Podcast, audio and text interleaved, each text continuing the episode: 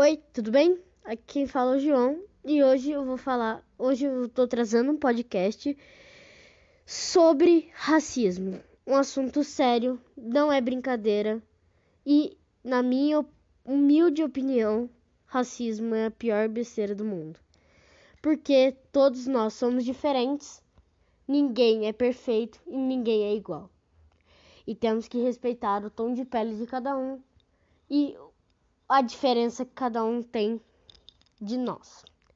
Bom, mas esse foi meu recadinho, mas agora vamos para né, a história que eu vou contar, que no caso é que aconteceu esse ano, dia 21 do 11, não faz muito tempo, que aconteceu lá no Carrefour, lá em Porto Alegre, é, e aconteceu um negócio sério lá, né?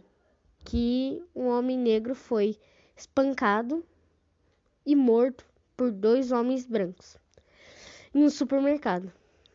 Na zona norte de Porto Alegre, na noite de quinta-feira, uma véspera do Dia da Consciência Negra, o Dia da Consciência Negra, o segurança do local e um, um policial militar é, espancaram o João Alberto Silveira Freitas, um homem que tinha 40 anos e foi imobilizado e foi espancado até a morte. Bom, é, isso é um negócio muito triste que aconteceu. E tem vários outros casos que acontecem por aí até hoje. Até hoje não, sempre aconteceu. É, igual, esse ano já teve George Floyd e vários outros exemplos. Então é um negócio que já vem de muito tempo. Então, né? Já é um negócio, sim, vem de tempo e o ser humano devia evoluir e aprender que isso não é brincadeira e começar a respeitar todas e todas as raças e raças não, etnias, né? Não sei o termo certo para se usar. Bom, mas continuando, é eu acho totalmente um negócio ridículo, né? E que é um negócio que sempre eh, vai sempre mais acontecer se as pessoas não pararem e pensarem o que elas estão fazendo de errado. E também é o que me dá mais raiva e mais dó também ao mesmo tempo é que essas pessoas é, que morrem é, por conta do racismo, por elas serem negras, essas coisas assim, elas só viram mais estatísticas. E esse é o problema. Enquanto ninguém ir lá na justiça e falar não, ele vai ficar 25 anos preso porque ele matou um negro. À toa. À toa, à toa. Mas não, tudo é. Pai, não.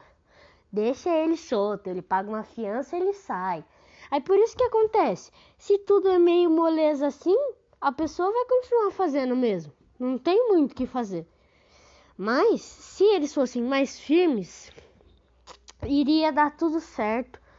Não, nem tudo certo, mas se eles fossem mais rígidos e prenderá, ó, quem agora a partir de hoje, quem matar, quem matar ou praticar o ato de racismo, vai preso.